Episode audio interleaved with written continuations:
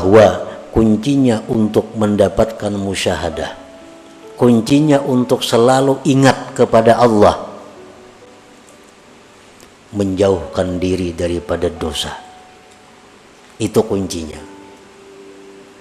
Membersihkan hati daripada maksiat.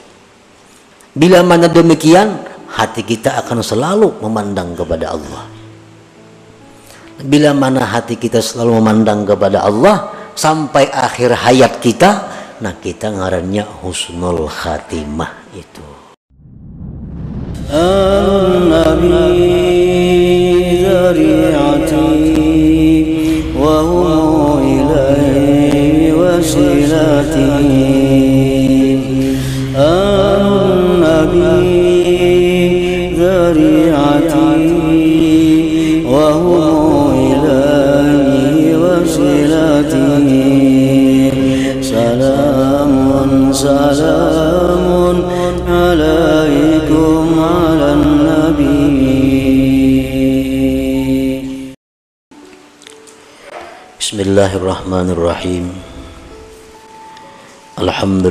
awwali wal akhir Al batini wal zahir Al aliyyil qadir. Ashhadu an la ilaha illallah wahdahu la sharika lahul muqtadir. Wa ashhadu anna sayyidana Muhammadan abduhu wa rasuluhu tahir اللهم صل وسلم وبارك على سيدنا محمد صاحب المفاخر وعلى آله وأصحابه وذريته وأتباعه إلى يوم الآخر أما بعد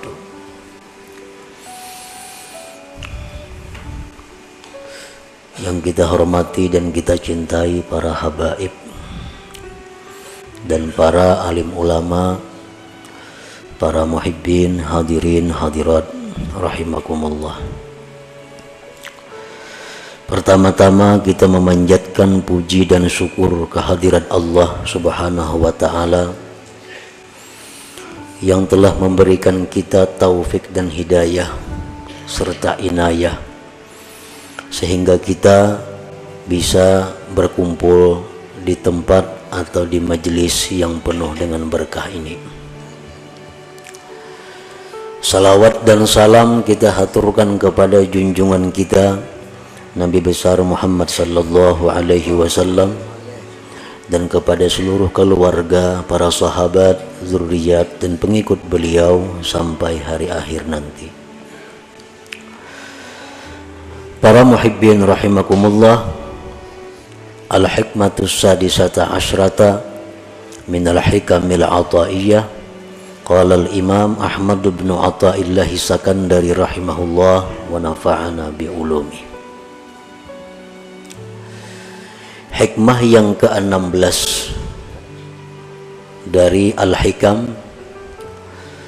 berkata Al-Imam Ahmad bin Athaillah As-Sakandari rahimahullah. Kaifa yutasawwaru ayyahjubahu syai'un وهو الذي أظهر كل شيء. كيف يتصور أن يحجبه شيء وهو الذي ظهر بكل شيء؟ كيف يتصور أن يحجبه شيء وهو الذي ظهر في كل شيء؟ كيف يتصور أن يحجبه شيء وهو الظاهر لكل شيء؟ كيف يتصور أن يحجبه شيء وهو الظاهر قبل وجود كل شيء؟ كيف يتصور أن يحجبه شيء وهو أظهر من كل شيء؟ كيف يتصور أن يحجبه شيء وهو الواحد الذي ليس معه شيء؟ كيف يتصور أن يحجبه شيء وهو أقرب إليك من كل شيء؟ Kaifa yutasawwaru ay yahjubahu syai'un walaulahu ma kana wujudu kulli syai' ya ajaban kaifa yazharul wujud bil adam am kaifa yasbutul hadisu ma'a man lahu wasful kidam Hikmah yang ke-16 ini adalah merupakan hikmah yang paling panjang di antara sekian ratus hikmah yang ada dalam Al-Hikam. Artinya adalah kaifa yutasawwaru ayyahjubahu syai wa huwa alladhi azhara kulla syai. Artinya bagaimana bisa dirupakan di dalam akal kita? Bagaimana bisa dirupakan pada akal manusia, akal kita bahwa mendinding akan Allah oleh sesuatu. Sedangkan dia Allah yang menampakkan akan tiap-tiap sesuatu. Nah maksudnya adalah Al-khalqu dalilun ala Allah. Makhluk ini Alam semesta ini Merupakan dalil Merupakan bukti Atas Allah Di dalam sifat 20 Seringkali kita bertemu Adanya alam adalah dalil adanya Allah Nah, jadi makhluk ini dalil atas Allah. Artinya dalil itu petunjuk yang menunjukkan atas adanya Allah. Pakai yakunu dalilu 'ala Allah hijaban laka an ru'yati wujudih. Bagaimana bisa adalah dalil atas Allah itu bisa mendinding engkau daripada menyaksikan adanya Allah.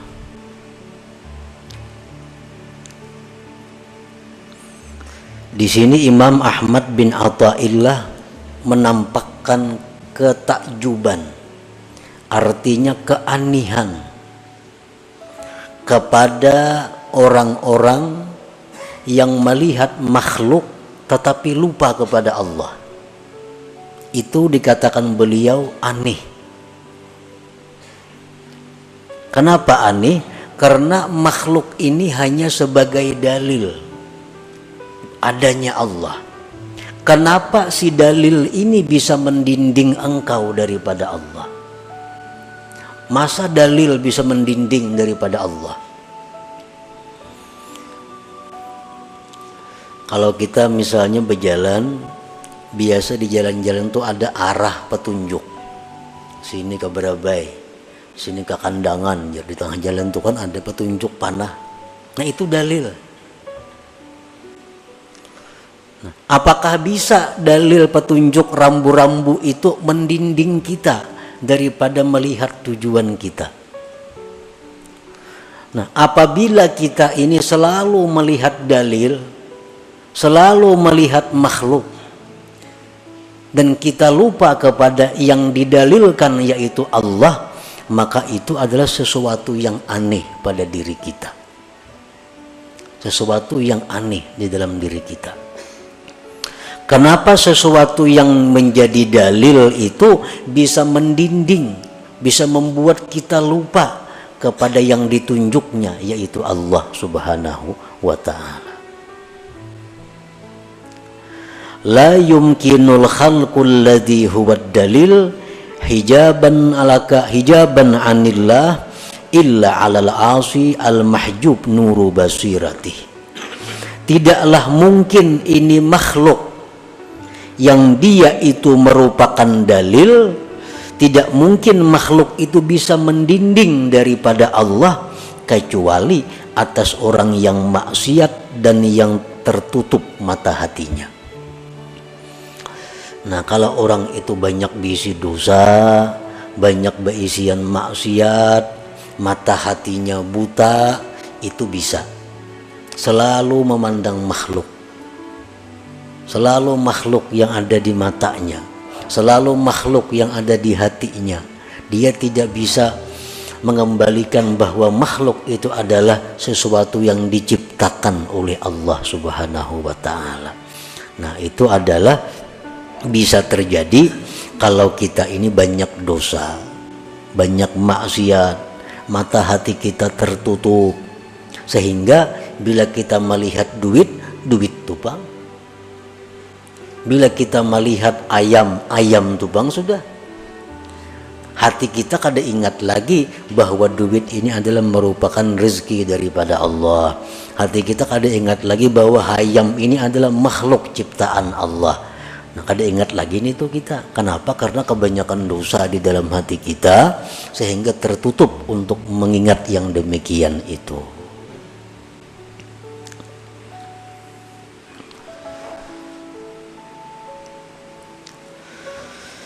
Nah kemudian lagi kaifa yutasawwaru ayyahjubahu syai'un wa huwa alladhi zahara bikulli syai' Bagaimana bisa dirupakan? Bahwa mendinding akan Allah itu oleh sesuatu. Sedangkan Allah Ta'ala itu tampak dengan tiap-tiap sesuatu. Itu artinya terjemahnya. Nah penafsirannya adalah al khalqu ba'da ijadillah minal adam la yaqumu wa la yasluhu illa bi qiyamillah wa islahihi bihi. Makhluk manusia contohnya atau tumbuh-tumbuhan atau hewan lainnya sesudah diciptakan Allah daripada tiada asalnya diciptakan lalu ada sesudah ada itu tidak bisa si makhluk ini berdiri. Tidak bisa dia bagus kecuali dengan berdirinya Allah dan membaguskannya Allah dengannya. Ini manusia nih. Begitu dicipta oleh Allah wujud manusia. Apakah di situ sudah berlepas daripada Allah? Kada akan bisa. Manusia ini kada akan tegak kalau tidak ditegakkan oleh Allah. Manusia ini tidak akan utuh kalau tidak diatur, disusun oleh Allah. Nah, buktinya siapa yang bisa menggerakkan jantung kita? Muntangan kita ada ikhtiar. Kita ada ikhtiar menggerakkan tangan mengidipakan mata itu ada ikhtiar kita melangkahkan kaki ada ikhtiar kita. Tapi menggerakkan jantung kita adalah ikhtiar kita. Menggerakkan usus kita sehingga bisa menghancurkan makanan adalah ikhtiar kita. Ada ada. Menggerakkan ginjal kita sehingga bisa memisahkan mana racun dalam tubuh yang harus dibuang, mana yang harus disimpan bukan daripada kita. Nah, semua itu diatur oleh Allah Subhanahu wa taala. Jadi makhluk ini sesudah dicipta oleh Allah kada akan bisa lepas dari Allah. Kada akan bisa lepas daripada Allah. kalau Allah Subhanahu wa taala menyerahkan pengaturan diri kita nih kepada kita jar Tuhan misalnya diri ikam itu atur aja seorang paling bisa bertahan kita lima menit bisa mati kada urusan menggerakkan jantung, menggerakkan usus, menggerakkan limpa, menggerakkan ginjal. Kada ketangkapan kita mengurusin itu. Tapi Allah memang kadang menyerahkan itu kepada kita. Nah, jadi artinya bahwa kita ini makhluk ini sesudah dihidupkan oleh Allah dan dibaguskan, dipatutkan, diutuhkan oleh Allah. Nah, bagaimana bisa bagaimana bisa sesuatu yang dibaguskan itu bisa mendinding kepada orang yang membaguskan?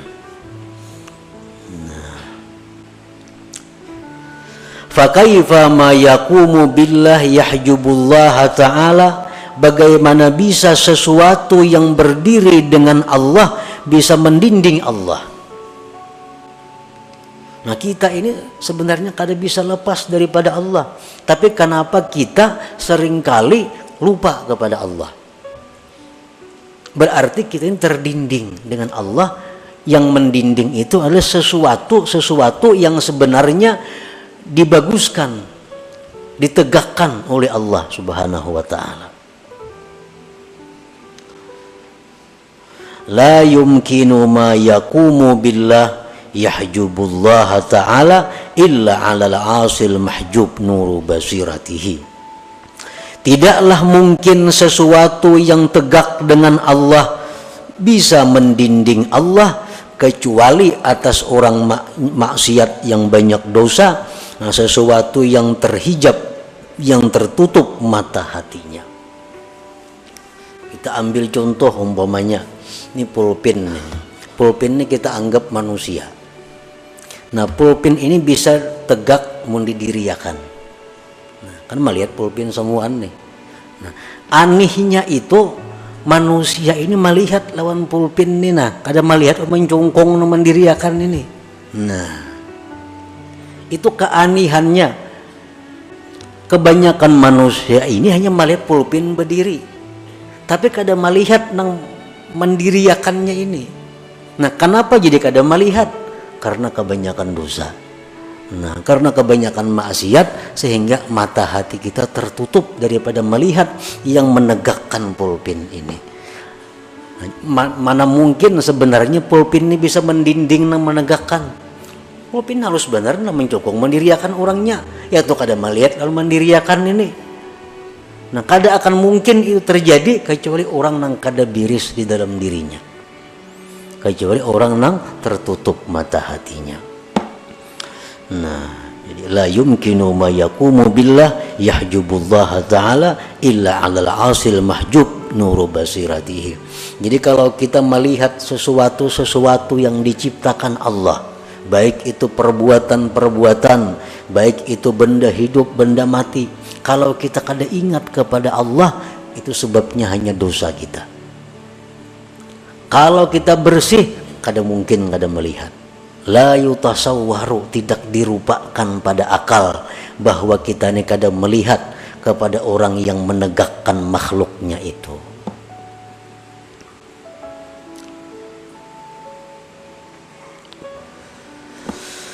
kaifa yutasawwaru ay yahjubahu syai'un wa huwa alladhi zahara fi kulli syai' bagaimana dirupakan bagaimana dirupakan pada akal kita? Bahwa mendinding akan Allah itu oleh sesuatu. Sedangkan Allah itu yang tampak pada tiap-tiap sesuatu itu terjemahnya artinya tafsirnya adalah al khalqu kulluh mazharu sifatihi ta'ala makhluk ini seluruhnya merupakan tempat nampaknya sifat Allah. Sifat Allah kita anggap 20 yang kita tahu. Nah, jadi makhluk-makhluk samuaan ini kada terlepas daripada sifat 20 itu. Idza ra'aital aziz fa Allah mu'izzuhu. Wa idza ra'aital zalil fa innahu yuzilluhu wa idza ra'aital ahya fa innahu yuhyihi wa idza ra'aital amwat fa innahu mumituhu fa kaifal mazharu yahjubul muzhir la yahjubul mazhar anil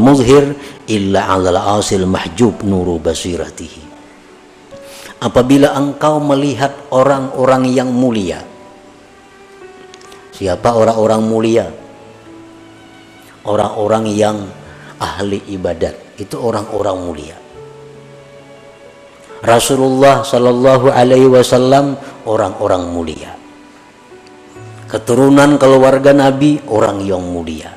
Sahabat Nabi orang yang mulia pemimpin pemerintah bupati yang adil jujur orang yang mulia nah bila kita melihat orang-orang yang mulia itu hendaknya kita tahu bahwa Allah yang memuliakan orang itu.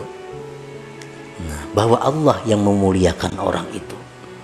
Jadi kalau kita melihat orang mulia jangan hanya melihat orang itu tapi kita ingat bahwa inya itu bisa mulia karena dimuliakan oleh Allah wa idza ra'aita zalil engkau lihat orang-orang yang hina. Siapa orang yang hina? Orang yang kafir kepada Allah. Orang-orang yang selalu maksiat kepada Allah. Orang-orang yang zalim kepada makhluk Allah. Ini orang-orang yang hina. Nah bila kita melihat orang-orang yang hina itu fa innallah yudhilluhu Allah yang menghinakan dia sehingga dia bisa jadi hina kenapa yang berbuat maksiat kenapa yang jadi kafir kenapa jadi berbuat kehinaan-kehinaan Nah kita ingat bahwa itu adalah kehendak Allah menghinakan orang itu. Apabila engkau melihat orang yang hidup, bahwa Allah yang menghidupkan dia. Bila mana engkau melihat orang yang mati, bahwa Allah yang mematikan dia. Bagaimana bisa mazhar itu mendinding muzhir yang menampakkan Tidaklah bisa itu mazhar mendinding muzhir kecuali atas orang yang maksiat yang tertutup mata hatinya. Nah, kalau orang yang banyak dosa, orang yang tertutup mata hatinya, dia melihat orang mulia sebatas orang mulia.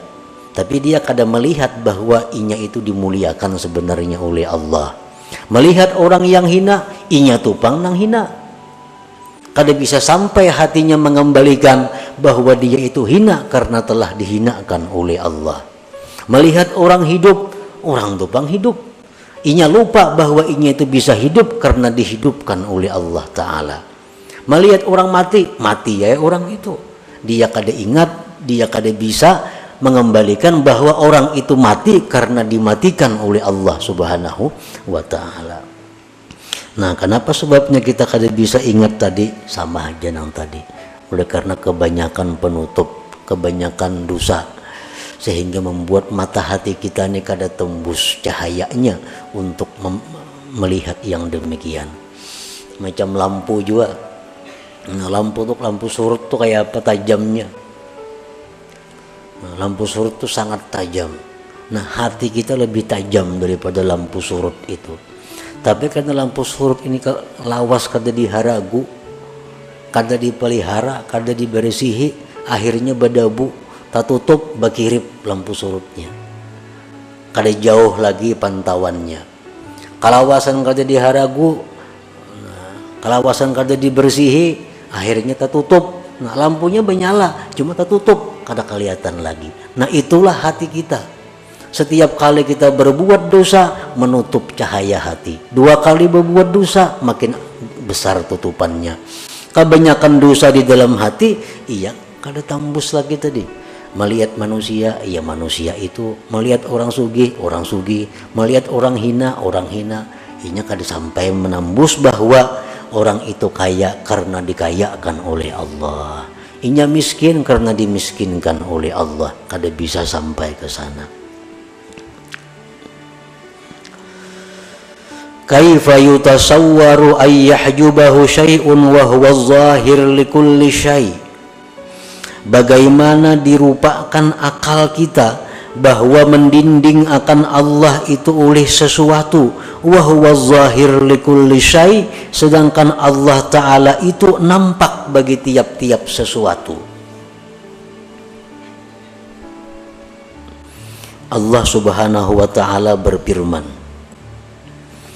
Alam tara anna Allah yasjudu lahu man bis samawat wa man bil ard wasamsu wal qamaru wan nujumu wal jibalu wasyajaru wad dawab wa katsirun minan nas wa katsirun haqqa alaihi al alaihimul az alaihi azab Allah berfirman apakah tidak engkau melihat bahwasanya sujud?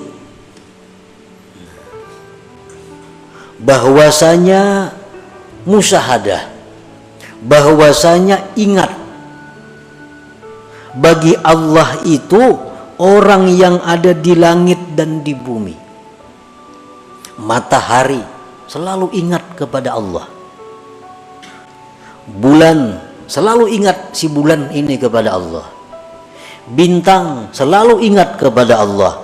Gunung, pohon-pohonan, binatang dan kebanyakan manusia selalu ingat kepada Allah. Wa kasirun haqqa alaihil azab dan banyak juga manusia yang pasti mendapat azab Allah. Nah, siapa manusia yang mendapat azab Allah ini? Orang yang selalu lupa kepada Allah Subhanahu wa taala. Padahal matahari nampak bagi matahari bahwa Allah itu zahir. Sehingga matahari selalu ingat kepada Allah. Bulan selalu ingat kepada Allah. Ayam selalu ingat kepada Allah. Cuma kita kadang mengerti, kadang tahu. Dan sebagian manusia pun ada yang selalu ingat kepada Allah. Dan sebagian manusia lagi hak alaihil azab pasti mendapat azab. Siapa mereka? Orang yang nah, kada bisa mengingat Allah tadi.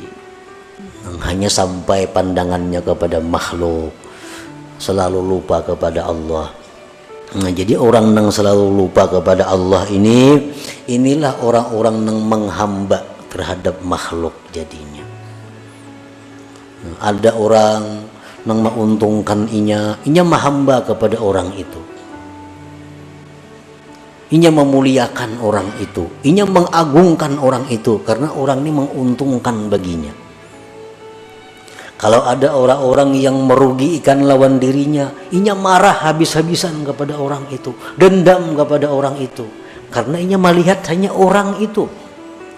Nah, andai kata dia tembus mata hatinya bahwa yang menguntungkan itu adalah Allah, nah, yang membuat kita demikian adalah Allah, maka kita tidak akan menghamba kepada manusia. Kita tidak akan dendam kepada kepada manusia. Nah, kalau mata hati kita ini baik, mata hati kita ini tembus untuk mengingat musyahadah kepada Allah Subhanahu wa taala.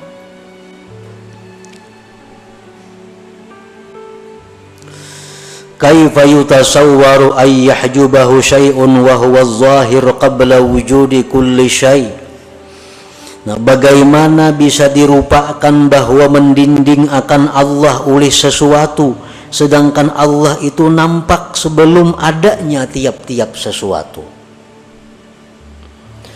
Allah subhanahu mawjud qabla zaman wal makan wa qabla akwan. Allah Ta'ala itu sudah ada sebelum adanya tempat belum ada langit belum ada bumi belum ada planet Allah sudah ada dan Allah ada sebelum adanya masa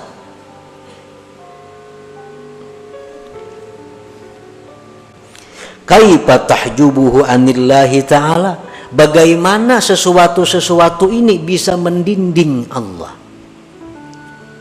padahal ini tadudi ini dicipta oleh Allah. Allah ada sebelum adanya langit. Kenapa kita hanya memandang langit, kadang memandang kepada Allah yang lebih dulu ada? Kenapa kita memandang hanya bumi? Padahal Allah sudah ada sebelum dia ciptakan bumi. Andai kata benar kita ini punya hati yang bersih, la yutasawwaru kadang mungkin terjadi demikian kadang mungkin kita lupa kepada Allah bila kita memandang makhluk ini nah jadi para muhibbin rahimakumullah kalau kita mendengari apa yang di, di, dikarang oleh Al-Imam Ahmad bin Atta'illah ini bahwa kuncinya untuk mendapatkan musyahadah kuncinya untuk selalu ingat kepada Allah menjauhkan diri daripada dosa. Itu kuncinya. Membersihkan hati daripada maksiat. Bila mana demikian, hati kita akan selalu memandang kepada Allah. Bila mana hati kita selalu memandang kepada Allah sampai akhir hayat kita, nah kita ngarannya husnul khatimah itu. Makanya barang siapa akhir kalamnya la ilaha illallah ujar nabi dakhalal jannah barang siapa yang akhir hidupnya itu mengucapkan la ilaha illallah dia masuk surga. Nah ini kalau kita hendak mengucapkan la ilaha illallah ini sampai akhir hayat kita kita mesti terlebih dahulu menjadi orang yang selalu ingat kepada Allah. Karena hendak mati itu yang muncul dalam pikiran kita dalam hati kita sesuatu apa yang sering kali kita ingat di dalam dunia sepanjang kita hidup orang yang sepanjang umurnya pikirannya ini hanya karir. Pikirannya supaya naik pangkat supaya naik kedudukan.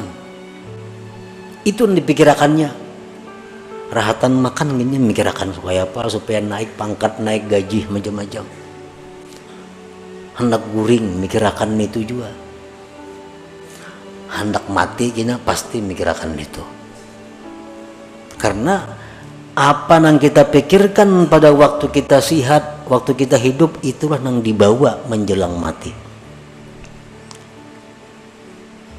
ini hadis Nabi mengatakan demikian Orang yang pikirannya urusan mencari duit. Makan bisukan sudah mikir akan mencari duit. Hendak guring mikir akan duit. Bangun guring mencari duitnya. Sampai tengah malam mencari duit. Nah, hendak mati pasti memikirkan duit kayak apa duitku kayak namun aku mati siapa mewarisnya siapa makannya nah orang yang bisa hendak mati itu ingat Allah orang yang selama hidup memang banyak ingat kepada Allah. Nah, jadi kalau kita demikian, kita mesti uh, mengusahakan agar yang terbanyak namun kada kawa selalu yang terbanyak dalam pikiran kita dalam ingatan kita adalah mengingat kepada Allah Subhanahu wa taala. Apa yang kita lihat, kita ingat bahwa itu minallah daripada Allah. Apa yang kita rasa, kita ingat bahwa itu daripada Allah. Apa yang kita dengar, kita ingat bahwa itu daripada Allah Subhanahu wa taala. Nah, kalau demikian halnya dalam kehidupan kita, insya Allah kita mati dalam keadaan ingat kepada Allah Subhanahu wa taala. Nah, kemudian selanjutnya hikmah yang ke-17. Ila hadratin Nabi sallallahu alaihi wasallam al-Fatihah. Bismillahirrahmanirrahim. Amin.